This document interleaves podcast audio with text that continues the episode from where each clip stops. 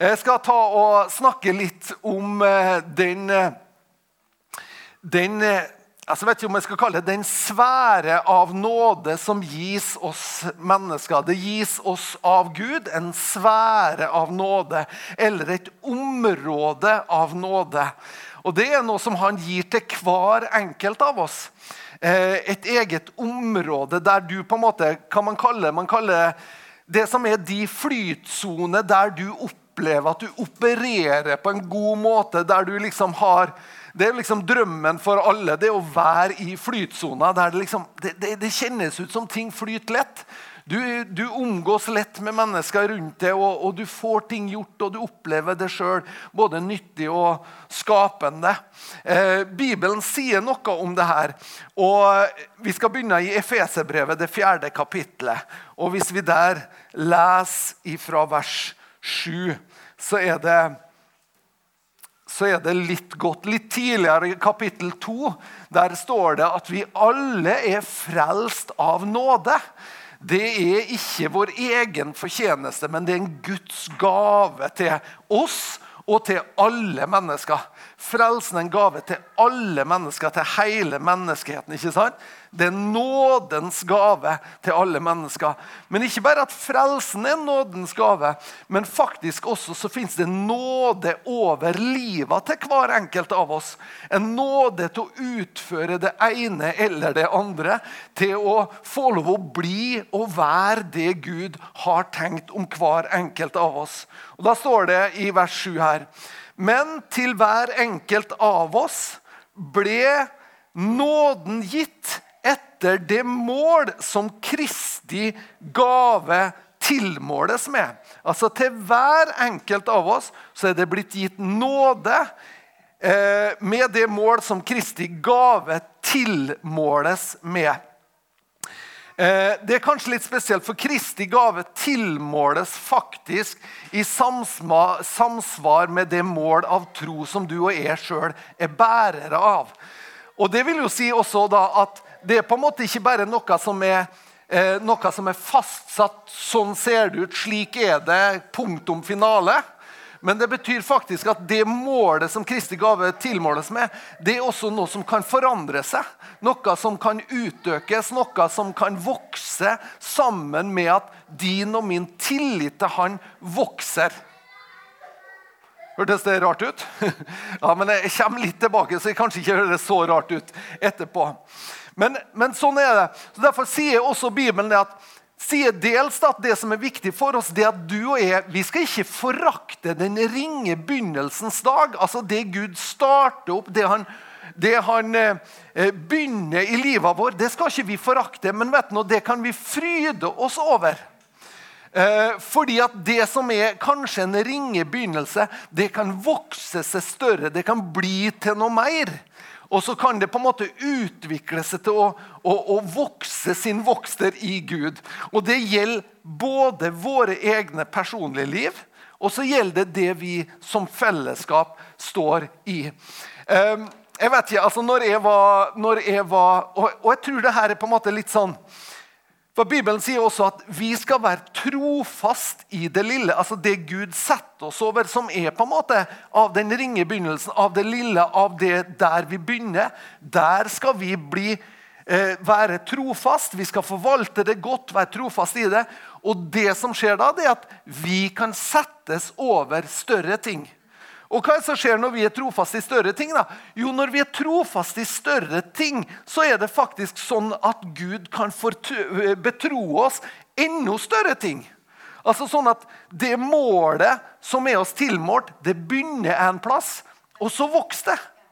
Og så vokser det ytterligere, og så ser Gud ja, men de her er trofaste i det, hun der er trofast i det. Så hun kan vokse ytterligere og bære ytterligere åk eller utfordringer eller ting som på en måte skal fram gjennom et liv. Sånn at vi vokser også i, i Kristus. Og Jeg vet at, altså jeg synes at det er herlig når, når du hører, liksom, vi, eh, hører vitnesbyrda. Jeg, vet, jeg, gikk på bibelskole, vet du, og vi, hadde, vi, eide jo ingenting. Jeg dro på, altså Når Annika møtte meg, så var det en mann som eide et skateboard. Hæ?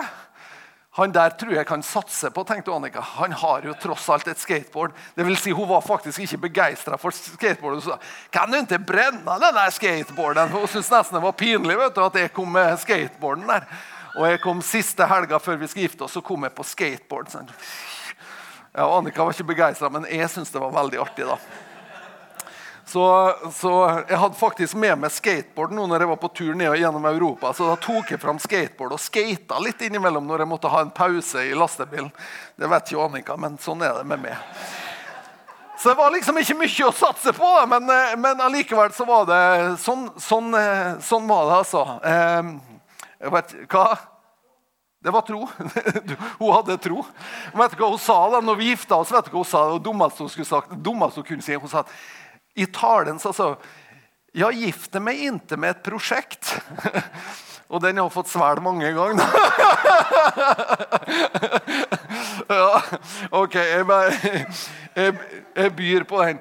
Men når vi går på bibelskole, så er det faktisk sånn altså, at noen ganger er det sånn at du har så lite at du ber, liksom, og, du, og, du, og bønneevna er der liksom at og vet du, når vi, vi, altså, der, liksom, vi mangla dopapir, og vi ba til Gud. Og vet du hva? Gud ga oss dopapir. liksom. Og, du, og akkurat der, det er, liksom, ja, er det stort i verdenssammenheng? Nei, det er ikke stort. Men det er stort i trofasthetssammenheng.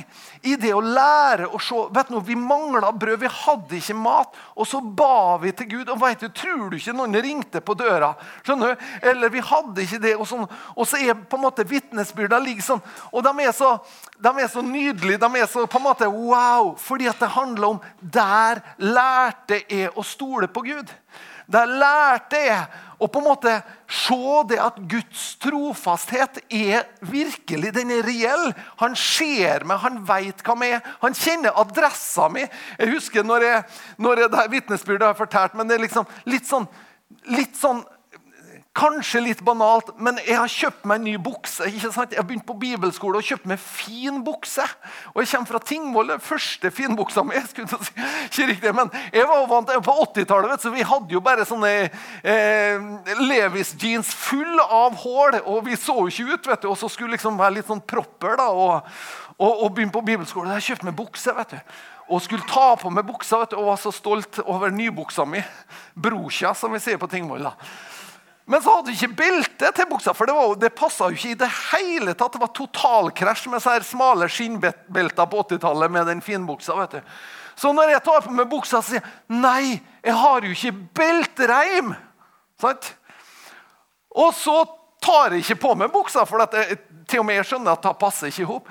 Så jeg dropper buksa og så går jeg med mine trasige jeans, som sa i Sverige. da, og så På ettermiddagen når jeg er på jobb, så, så jeg på, jobber jeg på en restaurant. Og, og jeg driver liksom og vasker, vasker, restauranten der vi holder på å skal stenge. Og, og, sånn. og så kommer det en mann gjennom lokalet. Han kommer inn inngangsdøra, og så kommer han sånn som det her. Gjennom, han går rett gjennom lokalet. Dette er altså på ettermiddagen den samme dagen som jeg bare ikke kunne ta på meg buksa, så kommer Gårdnes rett bort til meg og så sier han, 'Var det du som skulle ha det her?'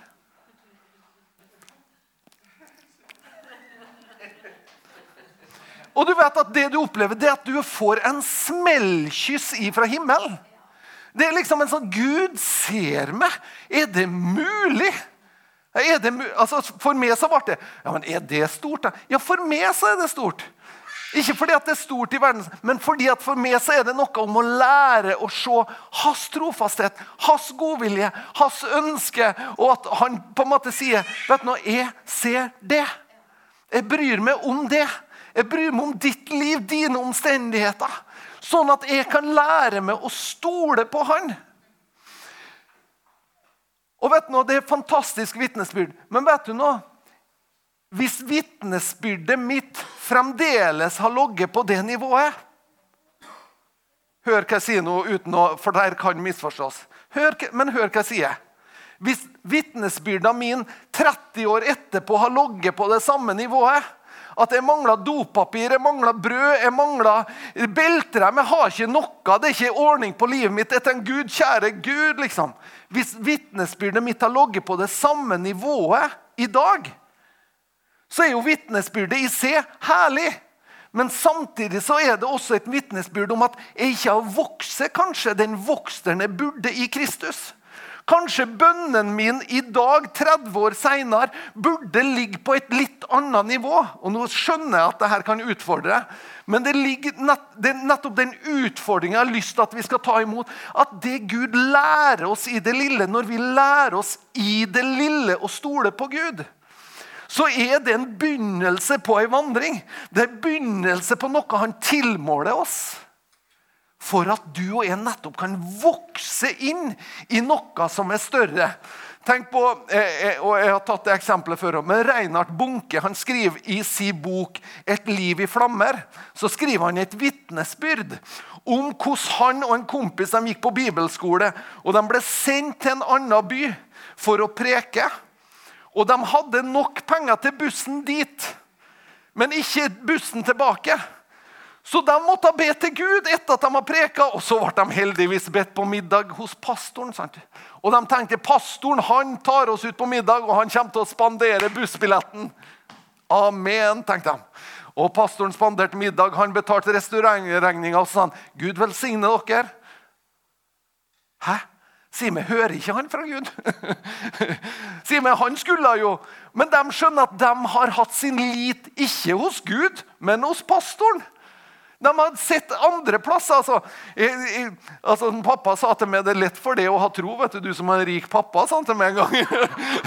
det er jo sånn med ungdommer. vet du, Vi trenger litt hjelp av foreldre. og sånn.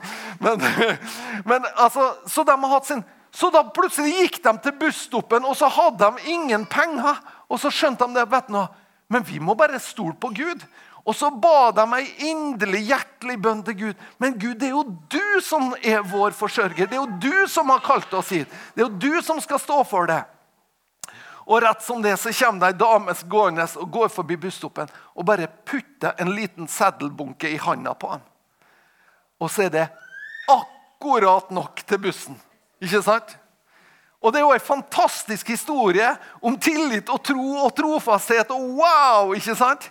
Men så sier Reinhard Munke akkurat den samme tro bruker jeg i dag når jeg mangler 1,3 millioner til en kampanje i Afrika.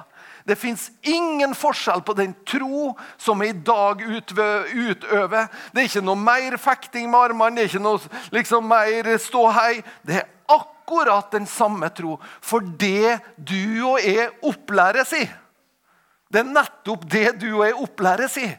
Det er nettopp det Gud setter oss og lar oss vokse i. Det kommer ikke til å se kjempeannerledes ut. Det kommer ikke til å se veldig forskjellig ut. Det kommer til å være noe lignende av det du allerede har opplevd. Bare at skalaen økes. Forskjellen er bare størrelsen på det han setter over. Så Derfor så kan vi forstå det at Guds nåde tilmåler oss ting i samsvar med den måten det tilmåles, nettopp ved tro. Hvor er vi i vår vandring? Hva har vi erfart så langt? Hva kan en betro oss? Hvor er våre hjerter? Skjønner du? Altså det, er, det er så spennende for oss, det her. Og hør her, her står det i eh, står det Vi leser også i eh, andre Korinterbrev, det tiende kapittelet. Og der skal vi lese noen vers sammen. Og Da skal vi lese fra vers 12. Og Der står det For vi våger ikke å regne oss blant eller sammenligne oss med dem som anbefaler seg selv. Men de som måler seg selv etter seg selv og sammenligner seg selv, er ikke vise. Vi sammenligner oss sjøl. Vi våger ikke det. Og bare la meg si en ting. at på en måte så i Gud så handler det ikke om vi gjør noe som er stort i menneskers øyne, eller noe som er lite i menneskets Det handler ikke om det. Men vi kan i det hele tatt ikke sammenligne oss verken med noen andre eller med oss sjøl. Vi må sammenligne oss med hva Gud har lagt i hjertet vårt. For hva er det vits i om jeg om, om, jeg prøver å gjøre storverk hvis det Gud har kalt meg til, er å betjene den eller den? Skjønner du? Altså, Hva er det vits for oss å måle oss på menneskelig vis og prøve liksom, ja, nå skal jeg gjøre noe gjevere enn min neste, eller han, eller nå skal jeg gjøre noe, å, det, Jeg har hørt om en pastor i, i, Drammen, han gjorde det sånn. nå. Nå skal jeg gjøre noe bedre. Eller du har hørt om eh, ei, ei dame som gjorde det, og nå skal du gjøre noe gjevere. ikke sant? Så begynner vi å sammenligne oss. Men det handler ikke om det. Det er totalt uinteressant hva andre gjør, og hva andre Akkurat som Jesus sier til, sier til, til Peter når han spør om Johannes. Ja, men hva med Johannes, da? Peter, følg du meg. Følg meg, så kommer du til å oppfylle det du skal. Så det å sammenligne oss det er totalt uinteressant. For i Gud så er det ikke sånn at ja, men gjør du mye sånn, eller det er synlig alt du gjør, da er det vellykka. Og hvis det ikke er så synlig, så er det ikke. Vet du, Det er uinteressant. Det som er interessant, det er for meg å kunne vandre ut nettopp nettopp de nådens gaver og vandre i det området av nåde som Gud gir meg. Og som Gud gir det, som han legger på ditt liv, det området av nåde som Gud legger over livet ditt, det er interessant å vandre ut. Ok, Vi går til neste vers. Så vi sammenligner oss ikke med hverandre, men vi sammenligner oss med det Gud legger i våre hjerter. Vi vil ikke rose oss i det vide og brede, men bare innenfor grensene av det området som Gud har utpekt for oss. Så Gud har altså utpekt områder der du og jeg kan bevege oss. Områder der vi vet du, I det området Gud har kalt oss til. I den sfæren av livet, innenfor de grensene der Gud på en måte sier at her er ditt virkefelt. Her er, vet du noe, jeg kunne, jeg, kunne, jeg kunne, vært med en Daniel og han eh, Dag for eksempel, på misjon månedlig. Hvis jeg ville. Jeg kunne vært med månedlig på misjonsturer og jeg, jeg, kunne ha reist hit. Og har invitasjoner hit og dit. ikke sant? Men jeg gjør ikke det. For at mitt felt av nåde det er faktisk å være pastor her på Nordvestlandet. Det er mitt felt av nåde. Og det Ja. Og Det betyr at jeg trenger heller ikke å stresse med at ja, men hvis de opplever det og de opplever det, ja, men, ja, men da må nå jeg oppleve det. Jeg trenger ikke å stresse med det, for det er ikke mitt hovedfelt av nåde. Det, når det er sagt, så jeg har, har jeg jo sikkert veldig godt av å komme ut noen gang og se litt andre forhold. Det tror jeg absolutt. Så, men, men skjønner at da trenger man ikke å stresse med det. For det er ikke interessant. Det er ikke det det handler om. Men vi blir altså tildelt et felt av nåde. Du og ditt liv. I ditt liv så kan du merke det at wow, når du strekker det ut mot eldre mennesker Det er noe som skjer, det er noe i kommunikasjonen der. det er noe som skjer, skjønner du? For det er et felt av nåde. Det ligger enkelt for det, eller noen som er på en måte sånn at de tar hånd om ungdommer og prater med ungdommer og får den kontakten veldig lett. Da er det et felt av nåde. Eller du er en, en samling, eh, eh, en som folk samler seg rundt på arbeidsplassen og kan betro seg til, kanskje. Kanskje det er ditt felt av nåde. Skjønner du? Eller du er, når du er, når du får være helt for deg sjøl, når du får være i det kreative hjørnet, når du får skape noe, så er du i et felt av nåde. Det kan se så forskjellig ut gjennom livet vår. Men ikke, vi trenger ikke å sammenligne oss og tenke at det er mer åndelig og det er mindre åndelig. Noen som snekrer noe, det kan være et kjempefelt av nåde. Det kan bringe ære til Gud. Det at man skaper noe, det at man er med, og at ting skjer. Wow! Jeg syns det er så spennende å tenke at hver enkelt av oss vi er gitt et område av nåde. Og da står det han, han skriver jo til korinterne så sier han et område eh, som også omfatter dere, skriver han til, til dem. For vi forstrekker oss ikke, som om vår myndighet ikke rakk til dere. For også til dere kom vi med Kristi evangelium. Det er noe når du er i det området av nåde som Gud har kalt deg til. Når du er i den sfæren der du utfører det Gud har lagt på livet ditt da er det ingen forstrekning. Da strekker du det ikke for langt. Da blir det ikke for mye. Da er det liksom, er ikke det godt å tenke på? Da trenger vi ikke å streve. Men da kan vi bare gjøre det han kaller oss til. Da kan vi bare utføre det, så kan vi være trygge at wow, tenk at vi fikk være med på det her. Tenk at vi fikk lov å, å gjøre det her. Tenk at det her ble en mulighet for oss.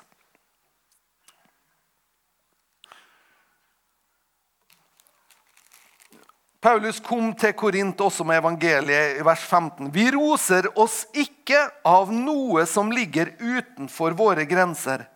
Men det vil si at vi roser oss ikke av andre menneskers arbeid. Men vi har det håp at etter hvert som troen, troen deres vokser Hører du? Altså etter hvert som troen deres vokser skal virkefeltet vårt bli hvitt. Ser du? Altså, Troa vår kan vokse, og det fører til at virkefeltet blir hvitt. Utvidet ved dere, slik at vi kan forkynne evangeliet i de områdene som er bortenfor dere, uten å rose oss av det som er oppnådd innenfor andres arbeidsområde. Gud sier altså vi kan vokse, og når vi vokser, så utvides nådesområdet. Det utvides, det gis et større område når vi vokser i tro. Når vi ved tro tar imot og oppfyller det Gud kaller oss til i den tid vi er i nå. Da vokser vi inn i ting som er større. Det fins alltid en eh, fristelse for oss å stoppe opp og si at ja, men nå er det bra nok. nå er det nok. Men i Gud så fins det alltid noe som strekker oss litt lenger. Strekker oss litt til. Våge å stole på han. Mange kristne tror jo det at vet du, når vi er ungdommer å, så bra du ble kristen når du var ung. Og, ikke sant? og når de er unge, så ber de til Gud. og Kjære Gud, hjelp oss nå. Og, vi må ha jobb, og vi må ha leilighet, vi må ha alt. ikke sant? Og så blir vi, så blir vi voksne kristne. vet du. Og det er noe av det skumleste. altså. Fordi det som skjer, det er faktisk at vi har alt vi trenger. Og alt er på plass. Og hverdagene er der. Og livet går sin gang. Og vet du, og du og jeg har det bra, så ingen merker noe som helst. Men vet du, etter hvert så blir på en måte det Gud har velsignet oss med, det Gud har betrodd oss, det vi har stått i tro, det blir vår trygghet istedenfor at Gud er det. Så du og jeg stopper stopper opp med å ta nye steg. Vi stopper opp med å ta nye og spør han, ok Gud, hva er ditt neste område. Hvor ønsker du? Kan jeg lære mer? Altså, kan jeg, bare det spørsmålet kan jeg, lære, kan jeg lære noe nytt denne uka her? Er det noe nytt som jeg kan lære? Bare det å Gud, jeg, er det noe mer? Eller er det på en måte sånn nå kan vi bare parkere livet i en sofa og så seppe litt på TV-en og se liksom, hva skal vi finne på i dag? da? Så, men vet du, Jeg tror at Gud kaller etter, etter de djupa som er i oss. altså. For at du og jeg kan fortsette å vokse, fortsette å vokse. Sånn at når ungdommene ser på oss, så ser de ikke på stagnerte liv, men de ser på liv. Så hva står det? Jo, det står også i høy alder skyter vi Friske skudd! Hæ? Ja. Friske skudd skyter vi i høy alder. Det vil si at det fins en friskhet over livet. Det fins noe som er fresh, noe som er godt. Også liksom etter hvert som vi modnes til i alder. Wow! Og det er liksom friske skudd. Det er ikke bare noe du kommer på når du liksom blir 82. så kommer du på, å ja, nå, å ja, nå var det noe med friske skudd. Å ja. Mm, mm. Nei, det er en livsstil. Det er liksom ikke sånn at et gammelt tre plutselig å ja, nå er jeg blitt så gammel at nå må jeg sannelig se til å skyte noen friske skudd.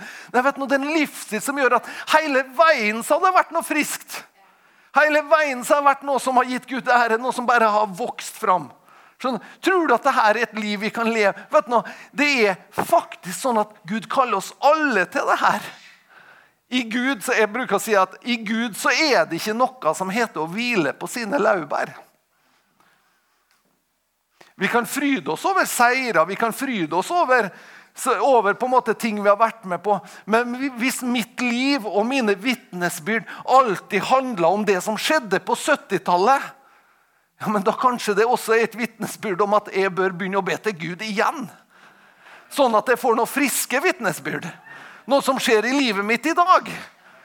OK. ok, Ikke sint, jeg er bare ivrig. Og jeg er veldig, jeg er veldig glad, sjø. Egentlig. Jeg har bare en indre glede som ikke vises så godt. Nei da. Ok, ok. Men den som roser seg, skal rose seg i Herren. For det er ikke den som anbefaler seg selv, som blir godkjent, men den som Herren anbefaler. Den Herren anbefaler. Jeg fikk en reaksjon fra noen menighetsledere i forhold til det som skjedde nå denne uka for vår del. Og eh, En medlemsleder i, i, Molde han sa at her er ikke bare en seier for dere, men en seier for oss alle. Det er en seier for Guds rike. At det fins sånne åpninger som gis til en lokal menighet. Og En annen menighetsleder i Kristiansund sa du, det her er et så sterkt vitnesbyrd om at Gud er med dere. Vi ser det. Gud er med dere. Det her kan vi ikke ta oss til rette. Vi kan ikke si at det her er det på en måte vår fortjeneste. Men hvorfor skjer det her, og hvorfor opplever vi det? Jo, vi har, vi har og vi lever i et samfunn som på, en, på mange måter er litt sånn i rakning. Altså Den store, gledelige nyheten i går på Dagsrevyen var at Irland også har bestemt seg for at nå skal abort bli lovlig i Irland. Det var den store, gledelige nyheten i går. Og vet du, det er bare trist. Det er bare trist. Men vet du hva jeg er takknemlig for for Irland sin del? Så jeg er takknemlig for at så langt vet du nå, så er det så mange barn som faktisk lever i dag.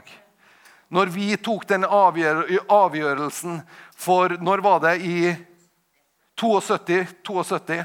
Ifra, ifra 72 til i dag så er over, det er over en halv million nordmenn som ikke eksisterer. Og vet du hvor mye det er? Det er like mye som vi har i underskudd på tilveksten vår. faktisk. Det er ca. Eh, 14 000 i året. Jeg lurer på om det. Som på en måte, det, I Norge så mangler vi det som vi må importere arbeidskraft, faktisk.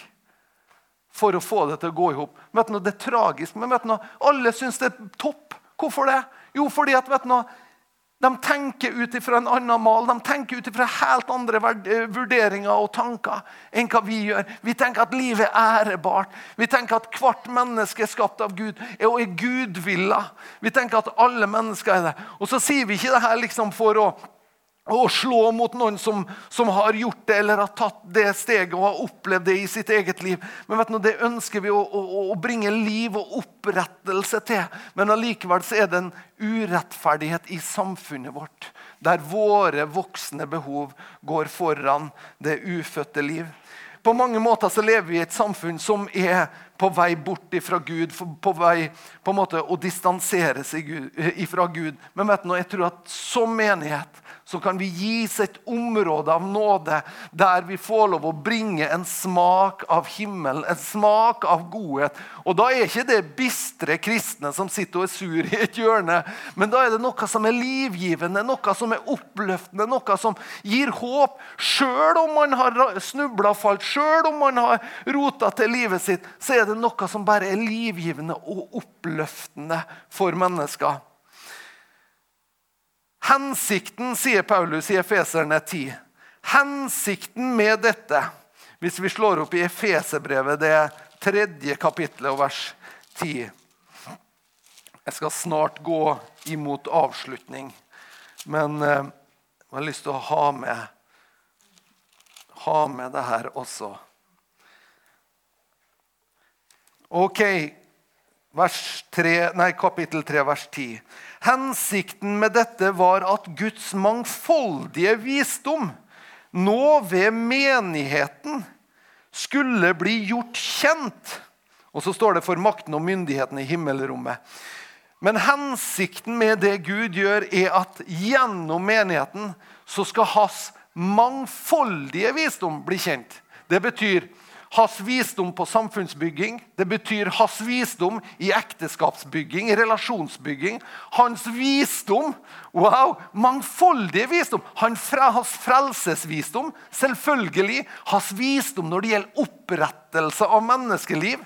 Opprettelse av det som er fornedra. Hans mangfoldige visdom, det er Guds visdom på alle samfunnsfelt. Det er det som skal bli gjort kjent gjennom menigheten. Og det er spennende. Og tenk at du og jeg får lov å være en del av det. Vi får lov å ha en bit av det her. Jeg får lov å bevege meg i et område av nåde som Gud har gitt meg i livet mitt. Skjønn at ditt liv, ditt liv er fantastisk. Det er ikke alltid vi kjenner det sånn. Men det som er lagt der, det som er gitt det, det er fantastisk. Det er nåderikt. Det er oppreisende, det er oppløftende. Og det er fullt av de mulighetene som Gud har. Og tenk om vi kan bli sånn at vi trigger hverandre da, til å leve ut fullheten av det Gud har for oss. Hver enkelt. Wow, for, for en spennende vev! Å se hvordan liv flettes inn i andres liv. Hvordan det ene løfter fram det andre. Hvordan fargene i ditt liv kanskje forsterker fargene i en annens liv. Kontrastene gjør et helt bilde. Jeg tror det er så spennende for oss. Kjære Gud, vi ønsker ikke å rose oss av noe ikke du har gitt oss, Herre, eller å være noe du ikke har tiltenkt oss å være, Herre. Men vi ønsker å innta fullheten av det området du tildeler oss, Herre. Det som du av nåde gir oss, Herre. Og jeg bare ber for det, både for oss personlig, Herre, hver enkelt av oss, men også for helheten av det vi står i, Herre. La oss få lov å fylle det nådesområdet som du gir oss, Herre. Og så vet vi at først og fremst så er det for å gjøre evangeliet kjent for å gjøre din mangfoldige visdom kjent for mennesker, Herre. Sånn at mennesker kommer innenfor rekkevidde av å få høre det, få kjenne det og oppleve det, Herre. Det ber vi om. På alle livets områder, Herre, så ber vi om nåde til å kunne få lov å bekjentgjøre evangeliet, Herre. I Jesu Kristi navn. Og jeg takker Herre nå for at du berører hver enkelt av oss, Herre. Og så bare ber jeg, Herre Takk at vi kommer framfor det med våre liv. Og jeg vet at det fins knuste drømmer, det fins drømmer som ikke har blitt noe av. Det fins planer som har gått i vasken, eller ting man ikke har sett komme til å bli en virkelighet, Herre. Takk at vi får lov å løfte våre liv, Herre. Og vi vet at vi er, vi er på en måte, vi er skrøpelige kar. Vi er, vi er ikke fullkommen på noe vis, Herre. Men allikevel så har du valgt, Herre, å gjennom våre liv vise din herlighet. Derfor så ber jeg, Herre, for det som er nedbøyd, det som er brutt, det som er knust i våre liv, Herre. Jeg ber om at du skal ta det, og at du gjennom det, Herre, skal bringe ditt liv, Herre. Det ber om. Takk for helbredelse, takk for opprettelse. Takk for liv, Herre. Takk for alt du gir, Herre. Takk for familier, Herre. Takk for relasjoner. Takk at vi får lov å løfte opp innenfor det. Og så bare ber vi Jesus at du kommer med ditt liv, med din legedom, med din salveolje, med din balsam for sår, og at du leger sår. Og at du gjør at den som har blitt såra en gang, han tør å våge en gang til, Herre. Det ber om, Herre. Den som har gått på, Herre, og blitt skuffa tidligere, Herre. Takk at den også våger å reise seg på nytt, Herre, og innta det du har for hver enkelt av oss, Herre. I Jesu navn. I Jesu navn. Amen. Amen.